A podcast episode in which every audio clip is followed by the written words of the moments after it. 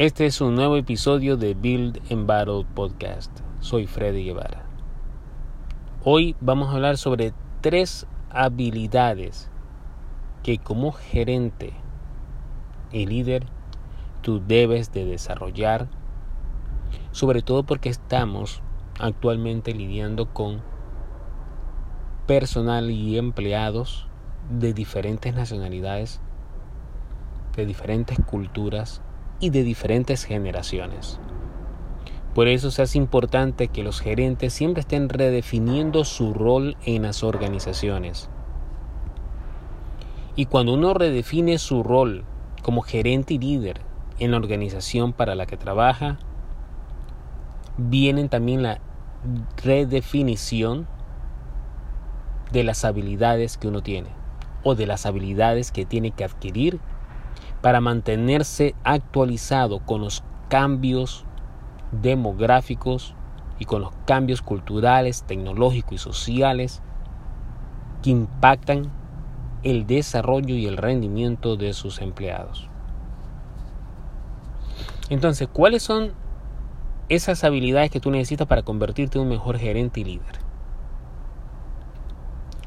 Primero, coaching por rendimiento. Coaching en español significa entrenamiento.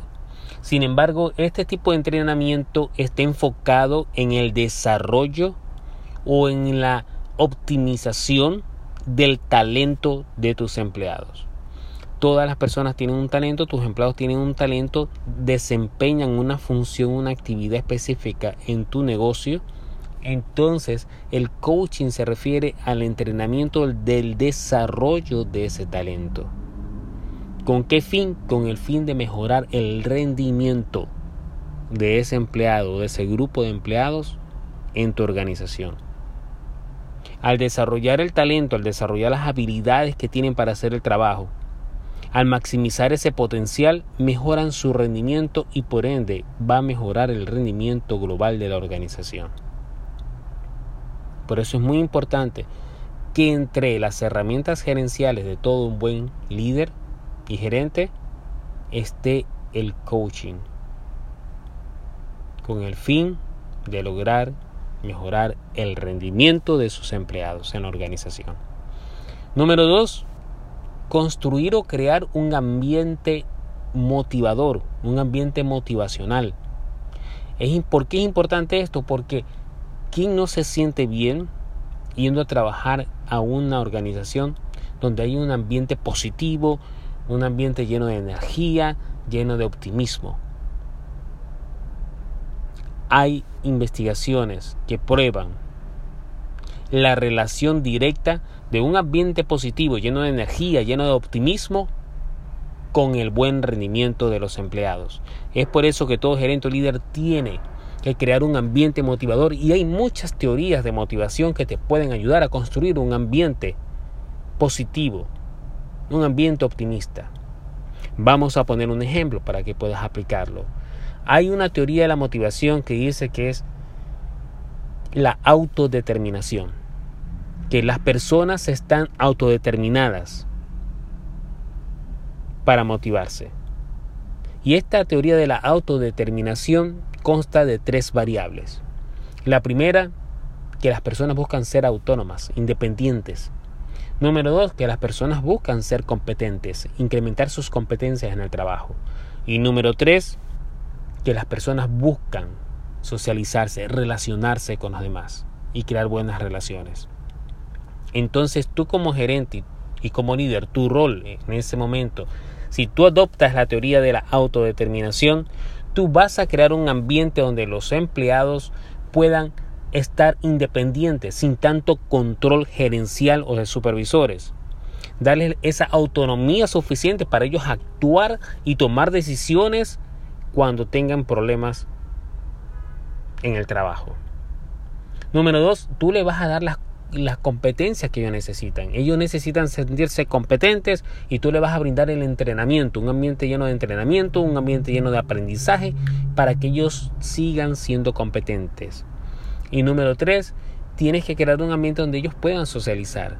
Un buen ambiente en el, en el cuarto de, recreo, donde ellos se puedan encontrar, donde puedan intercambiar experiencias. Tienes que crear un ambiente que permita y promueva la relación positiva entre los empleados. Es un ejemplo de cómo utilizar una teoría de motivación para crear un ambiente motivador y positivo en tu organización. Y número tres, delegar, pero una delegación de actividades para el crecimiento y desarrollo de los empleados. No se trata solo de delegar actividades, sino también de delegar actividades que permitan que tus empleados puedan crecer y puedan desarrollarse. Yo soy uno de los gerentes y líderes que piensa que cuando tú permites que tus empleados crezcan y se desarrollen, tú también creces y te desarrollas. Porque es muy importante que tus empleados se sientan autónomos, competentes y motivados a hacer un buen trabajo, delegándoles actividades que desafíen sus propias competencias y ellos puedan comportarse y rendir a la altura. Al hacer eso, ellos van a crecer y van a desarrollar sus competencias, van a desarrollar sus habilidades y al mismo tiempo te van a permitir a ti ocuparte de otras actividades gerenciales que van a exponer tus habilidades y nuevas habilidades adquiridas para tu propio crecimiento en la organización y tu propio desarrollo como gerente y líder. Una cosa tiene un impacto directo con la otra. Crecimiento y desarrollo de tus empleados significa crecimiento y desarrollo de tu liderazgo y de tu gerencia. Espero que puedas escoger los cursos, los talleres, los seminarios que te permitan convertirte en un mejor gerente y líder. Especialmente busca talleres y seminarios que puedan desarrollarte como coach para el rendimiento, que te den las herramientas para construir un ambiente positivo y motivacional en tu organización y que te permitan hacer una delegación efectiva con el propósito de crecer y desarrollar a los empleados. Una vez que ya sepas eso, vas a convertirte en un mejor gerente y un mejor líder.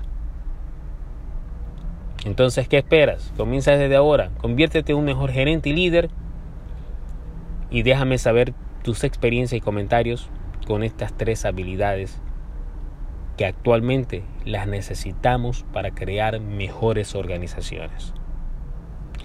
Mientras tanto, te deseo el éxito que mereces. Construye batalla, build and battle. Hasta la próxima.